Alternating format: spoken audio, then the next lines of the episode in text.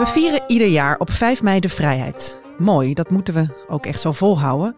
Maar hoe staan we er eigenlijk voor met onze vrijheid in Nederland? Mijn collega Jeroen de Vrede schreef een persoonlijk en aangrijpend verhaal over hoe vrij hij zich voelt als homoseksuele man in Nederland.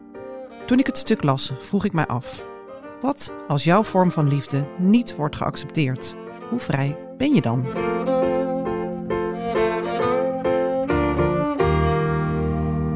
Acceptatie is nooit af. Tegelijkertijd word ik niet iedere ochtend depressief wakker. Oh. Dat ik denk, oh god, ik moet mijn homo-leven weer leiden. ik, ik ben...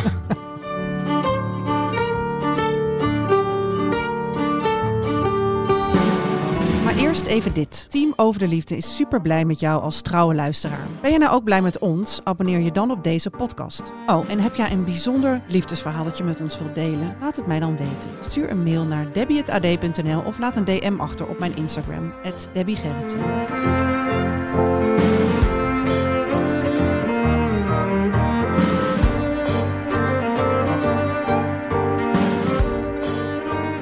Jeroen, jij begint je verhaal eh, met de zin: Hey homo, een beetje doortrainen. Je bent toch geen mietje?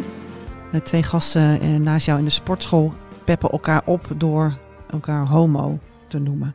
Wat doet dit met jou als je zoiets hoort? Nou ja, verschillende dingen. En dat verschilt denk ik ook afhankelijk van de omstandigheid. Maar Mhm. in zo'n sportschool denk je in eerste instantie, hmm, hebben ze tegen mij? Ehm, hoezo hebben ze tegen mij? En uh, train ik niet hard genoeg? En voel ik me hier eigenlijk wel prettig bij? En vooral dat laatste is natuurlijk het, eh, het belangrijkste. Voel ik me hier wel prettig bij als anderen dat als, eh, eh, als negatief woord gebruiken? Ehm, en het is niet zo dat ik me dan gelijk onveilig voel, maar ik sta wel op scherp. Wel even van, hé, hey, wat is hier aan de hand? Je gaat wel in een soort van attentiemodus om te kijken of, of er een bedreigende situatie is, of wie het zijn, of er toevallig be- bekenden zijn die een grapje maken. Maar Maar dan sta je best wel vaak in die modus. Want Ja, het wordt staat- te pas en te onpas gebruikt, het woord homo. zeker. Eh, maar ik denk dat voor heel veel LHBTI'ers geldt dat ze regelmatig aanstaan. Van, Ja. eh, of dat nou eh, door het woord homo is, of als je hand in hand wil lopen, of elkaar een zoen wil geven op straat. Of als je misschien met een regenboogvlag rondloopt, of die thuis hebt hangen omdat je iets wil vieren.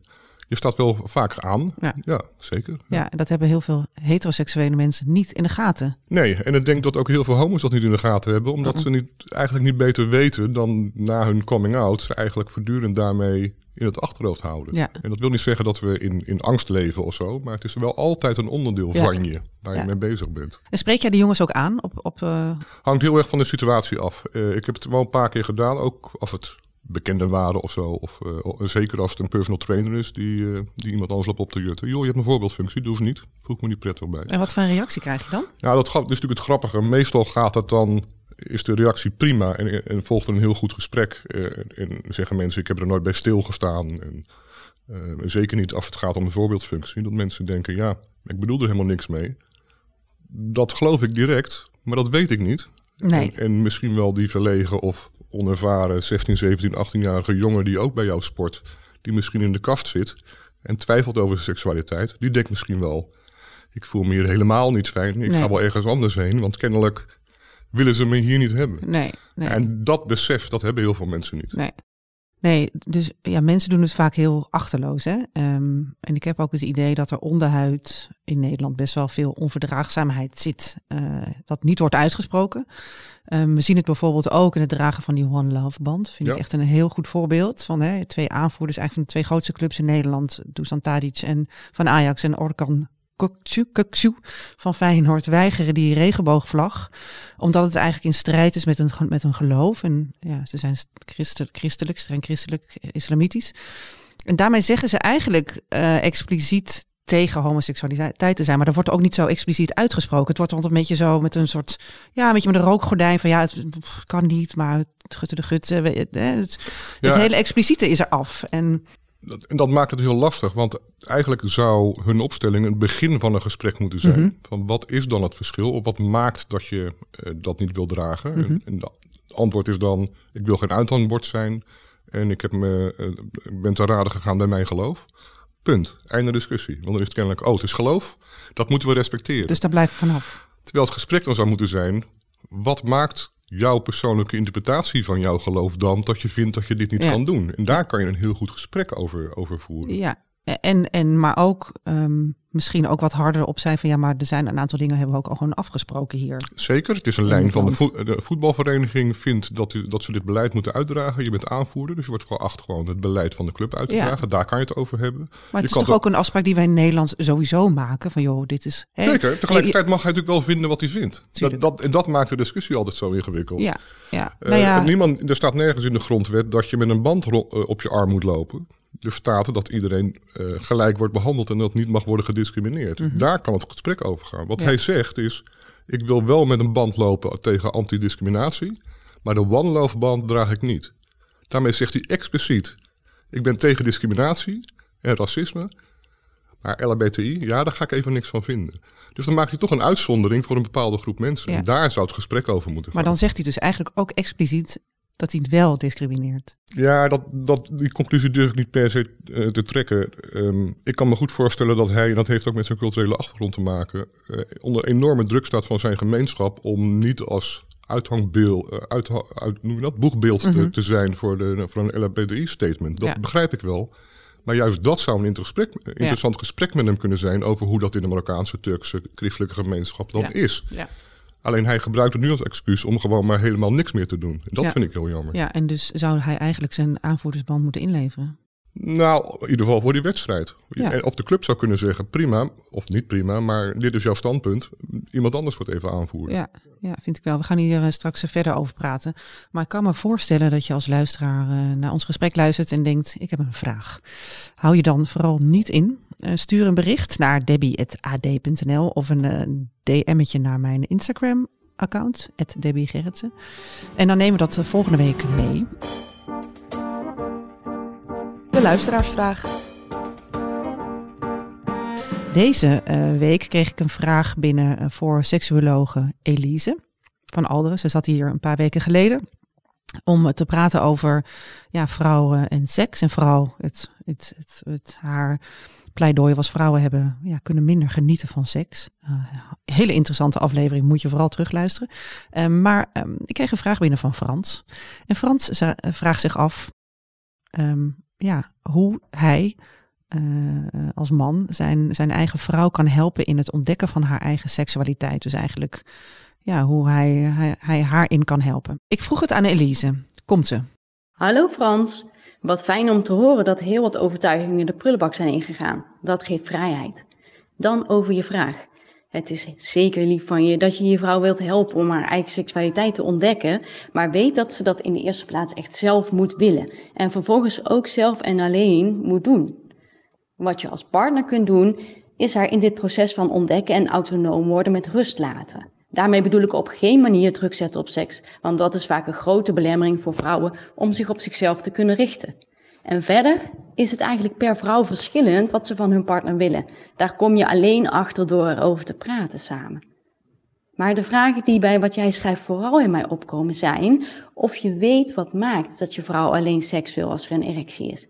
En of zij zelf orale seks ook fijn vindt. Als dit niet allemaal duidelijk is voor je, zou mijn advies zijn om eerst vanuit benieuwdheid in gesprek te gaan met elkaar, totdat je begrijpt wat er speelt. Ik hoop dat je zo vooruit kunt. Hartelijke groet, Elise.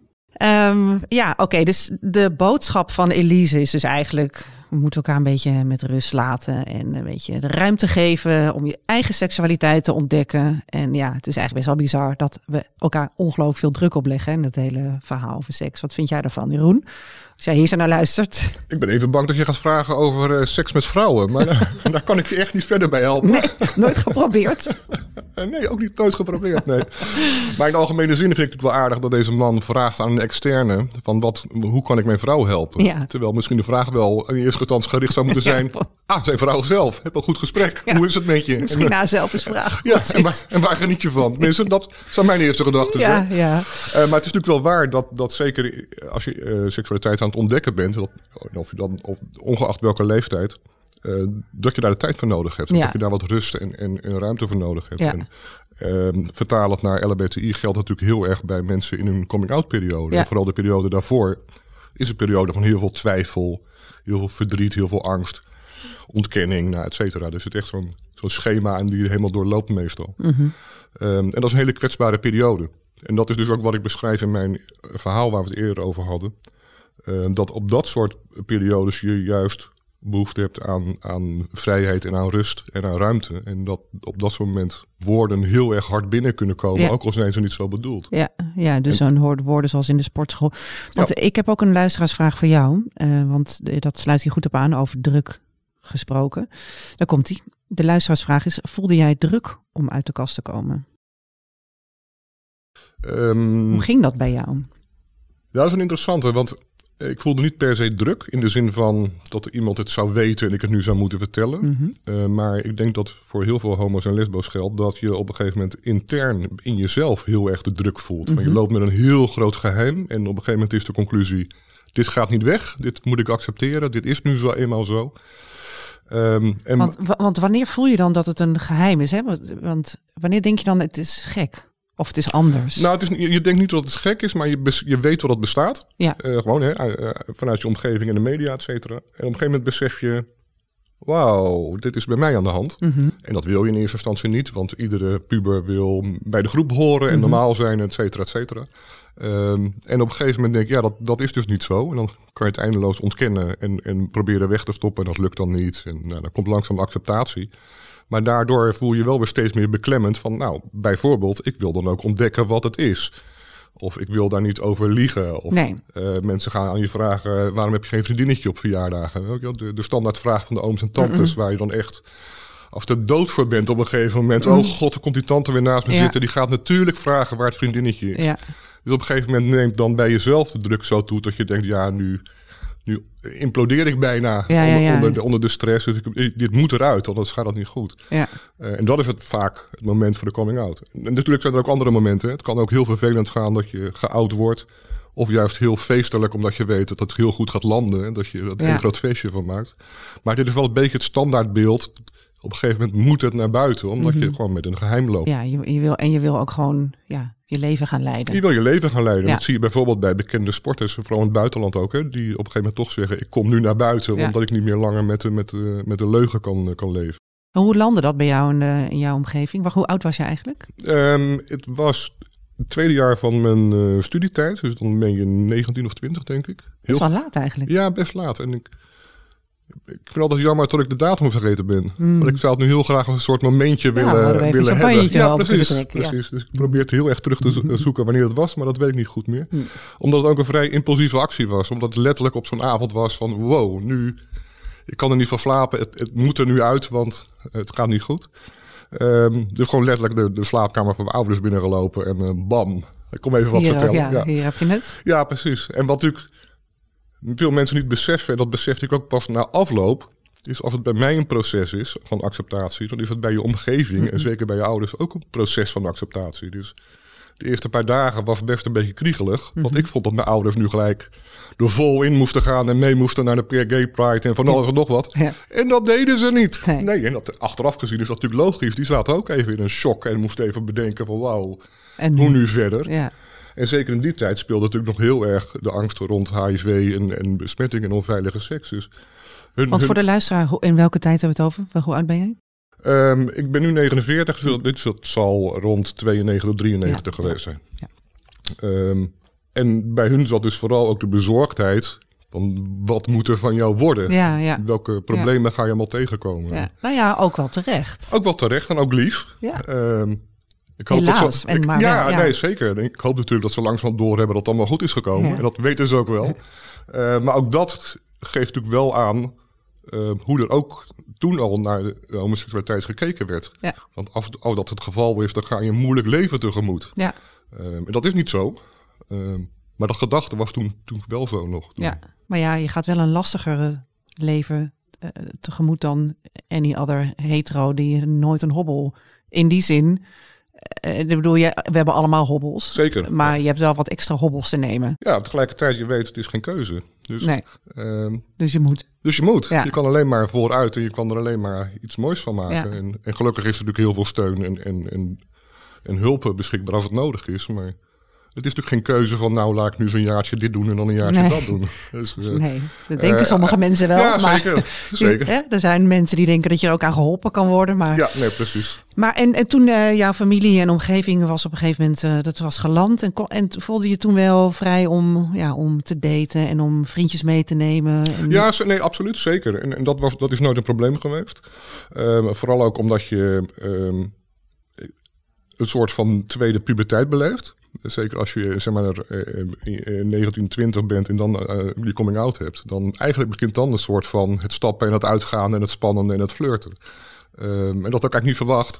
Maar dat is natuurlijk wel zo. Want al die jaren daarvoor ging je wel naar de kroeg of naar een discotheek. Maar ja, eigenlijk Je hield je in. je hield je in, maar Ja. ja, ik had helemaal geen behoefte om achter die meiden aan te gaan. Nee. En, ehm, ehm, dus dat ging uiteindelijk eh, natuurlijk prima.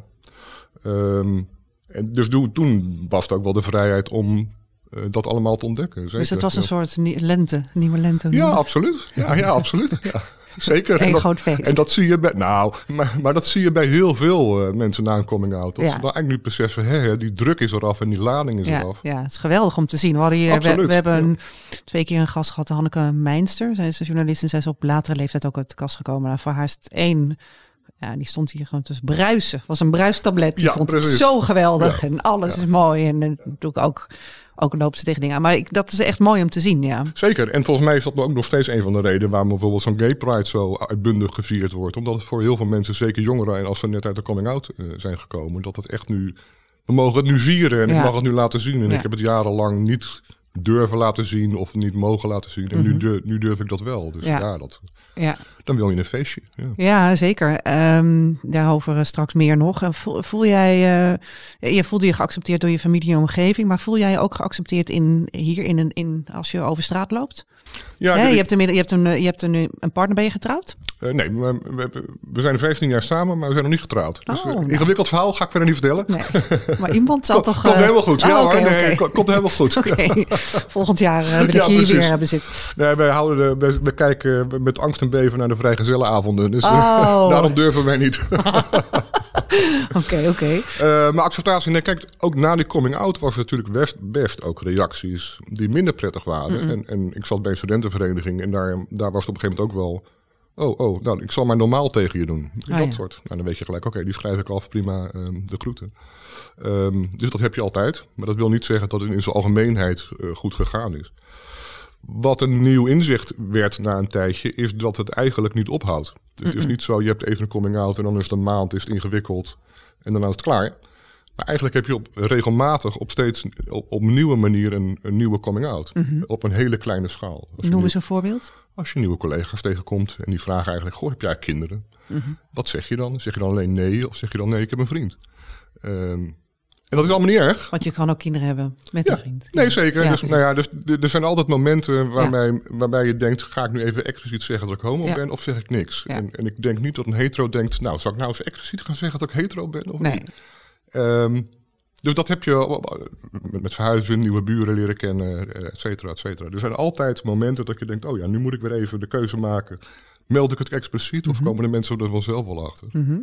En wat zijn reacties? Ik bedoel, ik neem aan dat je toch gewoon vaak heel veel goede reacties krijgt. Of krijg je ook wel vervelende Nee, reacties? eh, het grappige is dat je het eigenlijk nooit goed kan voorspellen. Aha. Eh, Dat je denkt, nou, ik ben prima op vakantie en eh, s ochtends eh, ritsen we de tent open in, in, eh, in Frankrijk en we gaan buiten ontbijten met croissantje.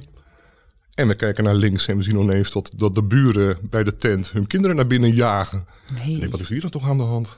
En smiddags gaan we, komen we terug van het zwemmen en we gaan buiten lunchen. En hup, die kinderen worden weer naar binnen Oh, gestuurd. jezus. En we kwamen er gewoon achter dat ieder moment als wij er waren, als twee mannen, ehm, de kinderen naar binnen moesten. Want die mochten vooral niet blootgesteld worden aan Wat twee mannen samen.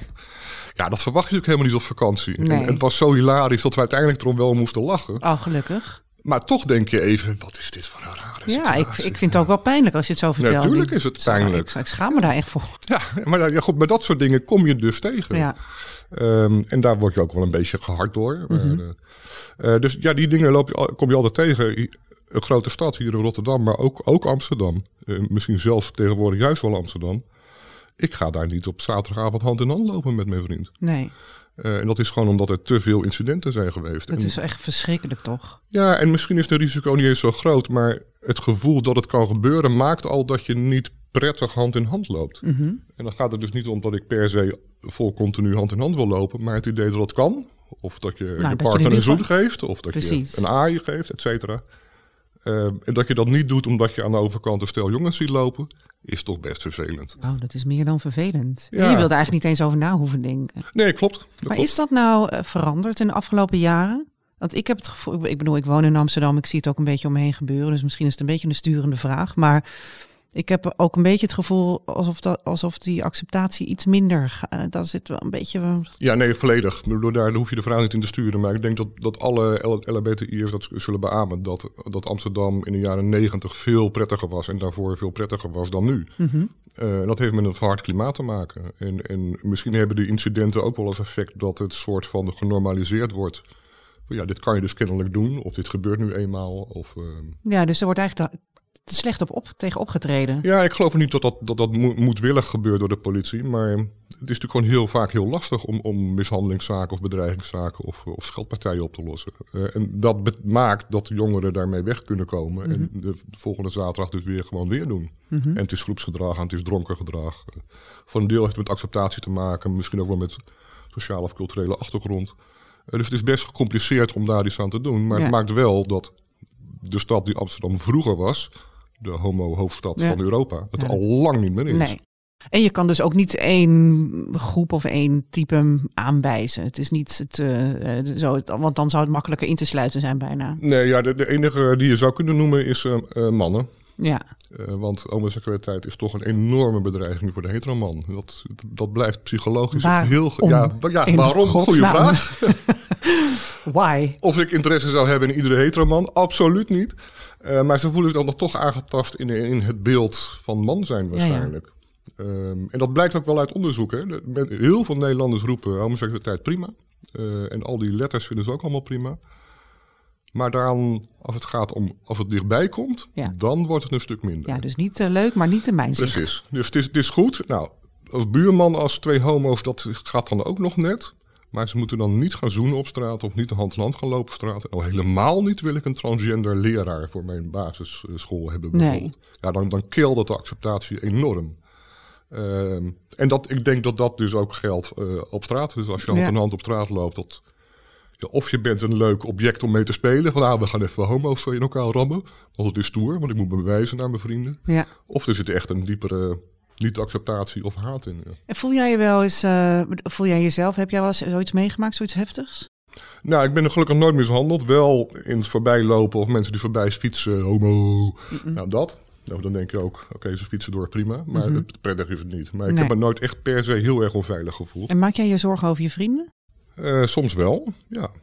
Ehm, en ik merk ook wel dat we, ook, ook in de vriendengroep, maar ook zelf, je een soort van omtrekkende beweging maakt. En niet letterlijk aan de andere kant van de straat gaat lopen, maar wij gaan gewoon weg. Wij gaan tegenwoordig naar Berlijn. Als we een weekend uit willen, dan Oh, gaan we ja. niet meer naar Amsterdam. Nou, Ja, dat is zeven uur rijden, maar dan heb je wel het gevoel dat je daar wel ik word veilig daar wel echt verdrietig van hoor. Ja, ik, ik misschien ook wel, maar wij zijn er zo aan gewend.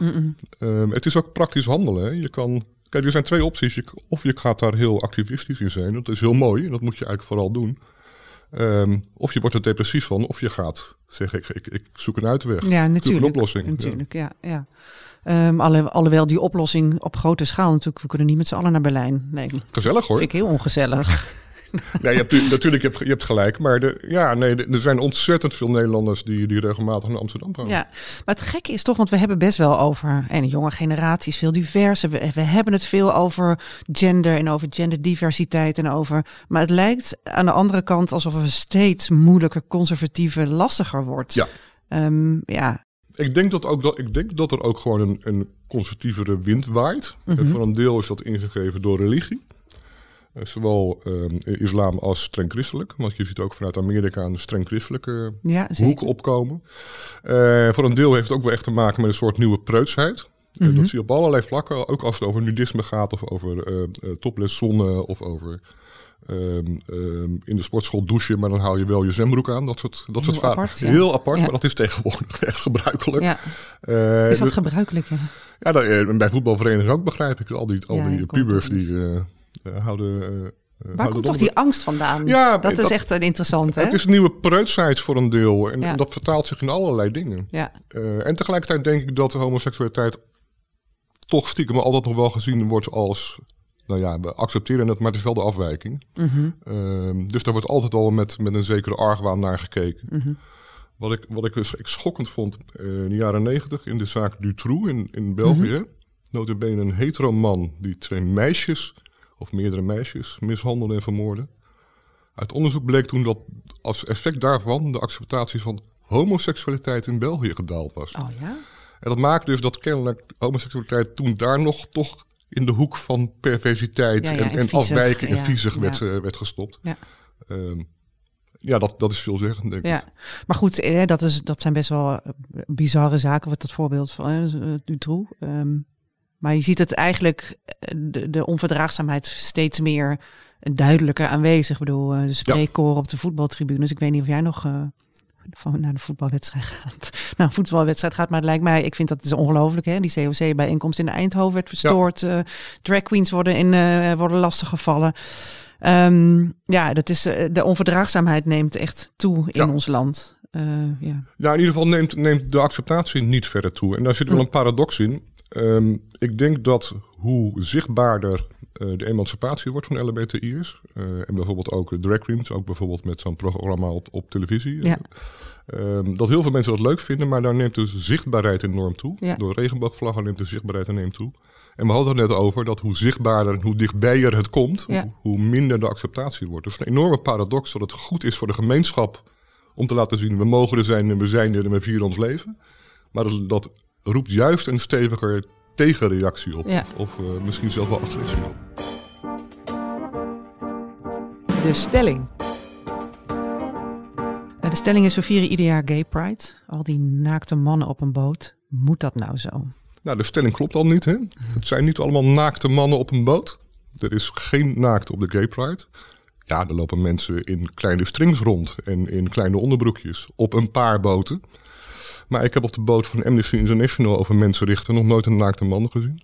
Ik heb op de boot met de tientallen landen, of de vlaggen van de tientallen landen waar de doodstraf staat op homoseksualiteit, nog nooit een naakte man gezien. Dus, dus wij focussen in al onze kritiek op de Gay Pride heel erg op die paar mannen die op een leerboot staan te dansen. Of dat je toevallig een ontbloot bovenlijf ziet. Ja.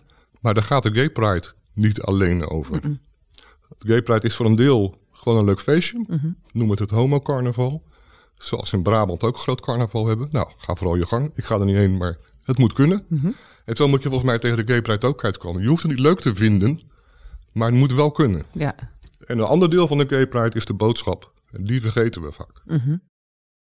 Ik heb de Gay Pride een paar jaar geleden een, eh, een stel, kwam ik een stel tegen. Zo'n twee jongens hand in hand te huilen. Mhm. Of er nou toch aan de hand, zijn die mishandeld. Eh, nee, die stonden te huilen van geluk. Omdat ze voor het eerst in hun leven ehm, hand in hand konden staan. Ja, ja. Ze kwamen uit Polen. En ze kwamen speciaal naar Amsterdam om puur, niet voor het feestje, niet voor de naaktheid, maar puur om hand in hand te kunnen lopen. ja. Die boodschappen die hoor je te weinig. Ja, dat is jammer. Maar goed, eh, dan het tegengeluid zou zijn van ja, maar dat, dat wordt dan ook overschreeuwd door zoveel naakt en zoveel uitbundigheid. Het, die- boodschap wordt, die boodschap wordt dan ondergesneeuwd. Ehm, ja, dat, dat mogen mensen vinden. Maar Ja. ik denk dat ze dan uiteindelijk nog nooit echt goed zijn wezen kijken bij de Gay Pride. Nee. nee. Ehm, en het is ook gewoon pride. Hè. Het gaat over trots. Het gaat over je laten zien. Ehm, ja, ik weet niet waar carnaval over gaat. Dan gaat het dan Nou ja, de over- zomercarnaval in, eh, in Rotterdam eh, is ook vrij naakt. Eh, Nou ja, absoluut. Het gewone carnaval is vooral dronken. Het zomercarnaval in Rotterdam is heel erg naakt. Daar hoor ik nooit mensen over. Nee. Terwijl daar juist, eh, wat ik prima, verder prima vind, eh een minderjarige en meiden in een bikini staan te dansen een dag lang. Eh, heel erg gezellig. Maar in het publiek staan dan vervolgens tientallen mannen met telelensen die daar enorm expliciete foto's het maken zijn. Ja, ja, en daar horen we niemand en over. daar horen we niemand over. Nee. Nee, dat is eigenlijk heel bizar. Hè? Maar dus ja, eh, eh, kortom, we hebben die gay pride. hè, Dat is ook vaak de vraag, is het nog nodig? Nou ja, zeker. Het is eh, hard nodig. Hè? Ehm, eh, ja, Ja, eigenlijk, zeker. Wat Ja. zou, wat, zou- het zou zo lekker zijn als we Dat zou ik wel opperen voor dit jaar. Misschien moeten we dat eens gaan vragen. Het zou zo lekker zijn als er een One Love eredivisieboot zou komen. Er is, een paar, er is een paar jaar geleden een eredivisieboot geweest. dat zo? Ja, absoluut. Wat absoluut. goed zeg. Eh, toen met eh, Louis van Gaal en ehm, die toen een enorm statement maakte. En ook, er zijn ook wat profvoetballers aan boord geweest. Een vriend van mij die was ook aan boord. Die vertelde dat ze aanvankelijk zeiden... nou, ik ga niet de hele dag staan zwaaien hoor, want eh, dat lijkt me zo vermoeiend. En Louis van Gaal heeft urenlang staan zwaaien, want Mhm. Oh, die vond het een geweldige dag. Ja. Ehm, dus dat was een mooi statement. En Van Gaal doet zelf ook wel, eh, die staat ook wel echt eh, onbekend dat hij wat zelf ook stappen maakt. Hè? ja. Ja. Ja, zeker. Dus, dus sinds, ook sinds die tijd en sinds de KNVB ermee bezig is, heeft Van Gaal zich aangeleerd om bij mensen, spelers, de staf, of bij welke eh, vereniging of eh, op club dan ook, te vragen hoe het met iemands partner is en Ja. niet met iemands vriendin. Ja. Ehm, en dat is een heel klein verschil in woordgebruik, maar het heeft een enorm effect. Want Van Gaal geeft daarmee zelf aan, dit is mijn norm, namelijk ik accepteer alle varianten. En hij straalt uit, dit is waar mijn organisatie voor staat. En hij geeft de boodschap aan de ander, mocht het relevant zijn, je kan bij mij veilig terecht als Ja. je ergens over wil Ja. praten. En dat is één kleine aanpassing in je taalgebruik en dat helpt enorm. Ja, want we zijn daar echt, we zijn het een beetje over aan het miezenmouwen af en toe, maar woorden hebben dus absoluut wel effect. Woorden hebben effect. Ja. Ja, eh, dat geldt over dat scheldwoord homo in de sportschool. Mhm. Dat geldt voor homo op de eh, eh, tribune. Een paar jaar voor mijn coming out eh, stu- studeerde mijn zus in Amsterdam. En die vertelde een keer toen ze thuis was dat ze leernichten in het Vondelpark had gezien. Mhm. Eh, dat heeft er voor mij voor gezorgd dat ik twee jaar later mijn coming out heb gehad. Oh, dacht ja? ik, ik kan bij mijn zus ook niet terecht. Oh ja, jemig En zeg. achteraf bleek natuurlijk pas dat ze daar niks mee bedoelde. Want het is een enorme lieve meid en zo tolerant als de pest, zou ik zeggen. Ehm, maar in mijn kwetsbare periode waar ik toen in zag, vertaal je dat gelijk naar iets bedreigends of Ja. iets negatiefs. Ja, van zij zal het wel niet accepteren. Als zelfs mijn zus het niet accepteert, dan probeer ik het nog maar even voor me te houden. Mhm. Ja. En Ja. dat is dus één zin die ertoe leidt dat je twee jaar langer rond blijft lopen met Ja. je gevoel. Nou ja, dat is wel, ik denk voor iedereen, voor mij ook al goed om te horen weer van joh, het heeft zoveel effect. Hè? Eh, het heeft zoveel effect op iemands vrijheid ook. En op hoe, hoe we ons met elkaar, te- bij elkaar ja, tegenover elkaar en met elkaar verhouden. Eh spreekkoren, ja, we kunnen er allemaal, iedereen zegt, ah, joh, dat bedoelen we allemaal minder. En dat, dat hoef je niet zo. eh, maar ja, woorden hebben dus absoluut wel effect. Zeker. En zeker in deze week is het een, de week van de vrijheid, is dat wel eens goed om, om daar nog eens extra op te hameren. Nou, en bovendien is het natuurlijk wel gek dat als jij het woord homo gebruikt in het voetbalstadion, of, of jood, wat natuurlijk Mhm. ook voorop voorkomt, en je vervolgens zegt, ja, maar ik bedoel eigenlijk niet dat je een jood bent of dat je, dat je een homo Of ik bent. bedoel het niet beledigend. Ja, ik bedoel waarom roep je dan beledigend. En waarom roep je het dan? Ja, precies. Ja, wat bedoel je dan eigenlijk te zeggen? Ja. Ehm, tot slot, Jeroen, want we gaan eh, afronden alweer. Ehm, ja, word jij niet ook eens moe van dit hele, van deze hele strijd? Ik denk wel eens, goddomme man, we zijn honderd jaar eh, terug in de tijd af en toe geworpen. Ehm, Is Nou. verloopt er ook wel een soort eh, eh, licht aan het einde van die tunnel? En hoe lang is die tunnel nog in godsnaam? Nou ja, kijk, eh, acceptatie is nooit af. Tegelijkertijd word ik niet iedere ochtend depressief wakker. Oh. Dat ik denk, oh god, ik moet mijn homo-leven weer leiden. ik, ik, ben, ik, heb een hele, ik heb een hele lieve vriend, lieve vrienden, familie, collega's. Dus ik, ik vermaak mij prima. Mhm. Ehm, dat gezegd hebbende, ja, ik denk dat die acceptatie altijd door Ja. blijft gaan. En natuurlijk, we zijn al van heel ver gekomen, eh, van decennia naar eh, bijvoorbeeld het homohuwelijk en steeds een stapje verder. Daar komt, eh, de, sinds de laatste jaren komt daar natuurlijk heel erg de, de genderdiscussie bij. Eh, die ook binnen de homogemeenschap best wel discussie op, opleveren in het begin. Maar dit, is, dit zijn weer volgende stapjes die je zou willen zetten om iedereen te laten weten dat ze er mogen zijn en, Ja. en hun leven mogen leiden. Ja. Dus in die zin eh, komen we steeds verder. Maar ik denk wel dat omdat we al redelijk ver zijn in Nederland, eh, juist die laatste stapjes weer wat extra tegenreactie oproepen. Ja. Dus moet dit nou ook nog? Mhm. moet er nou ook nog de kinderen uit gaan leggen dat het een jonge meisje of wat anders is? Mhm. Nou, dat levert natuurlijk heel veel discussie op. Ja. En dat kan je alleen maar doen door met elkaar in gesprek te blijven. Ja. Ik denk dat dat heel belangrijk is. Nou, blijven doen. Leuk dat je luisterde naar Over de Liefde. Heb jij nou een prangende vraag over de liefde, seks of relaties? Laat het mij dan weten. Stuur een DM op mijn Instagram of mail naar debbie.ad.nl. Oh, en vergeet niet om je te abonneren op deze podcast.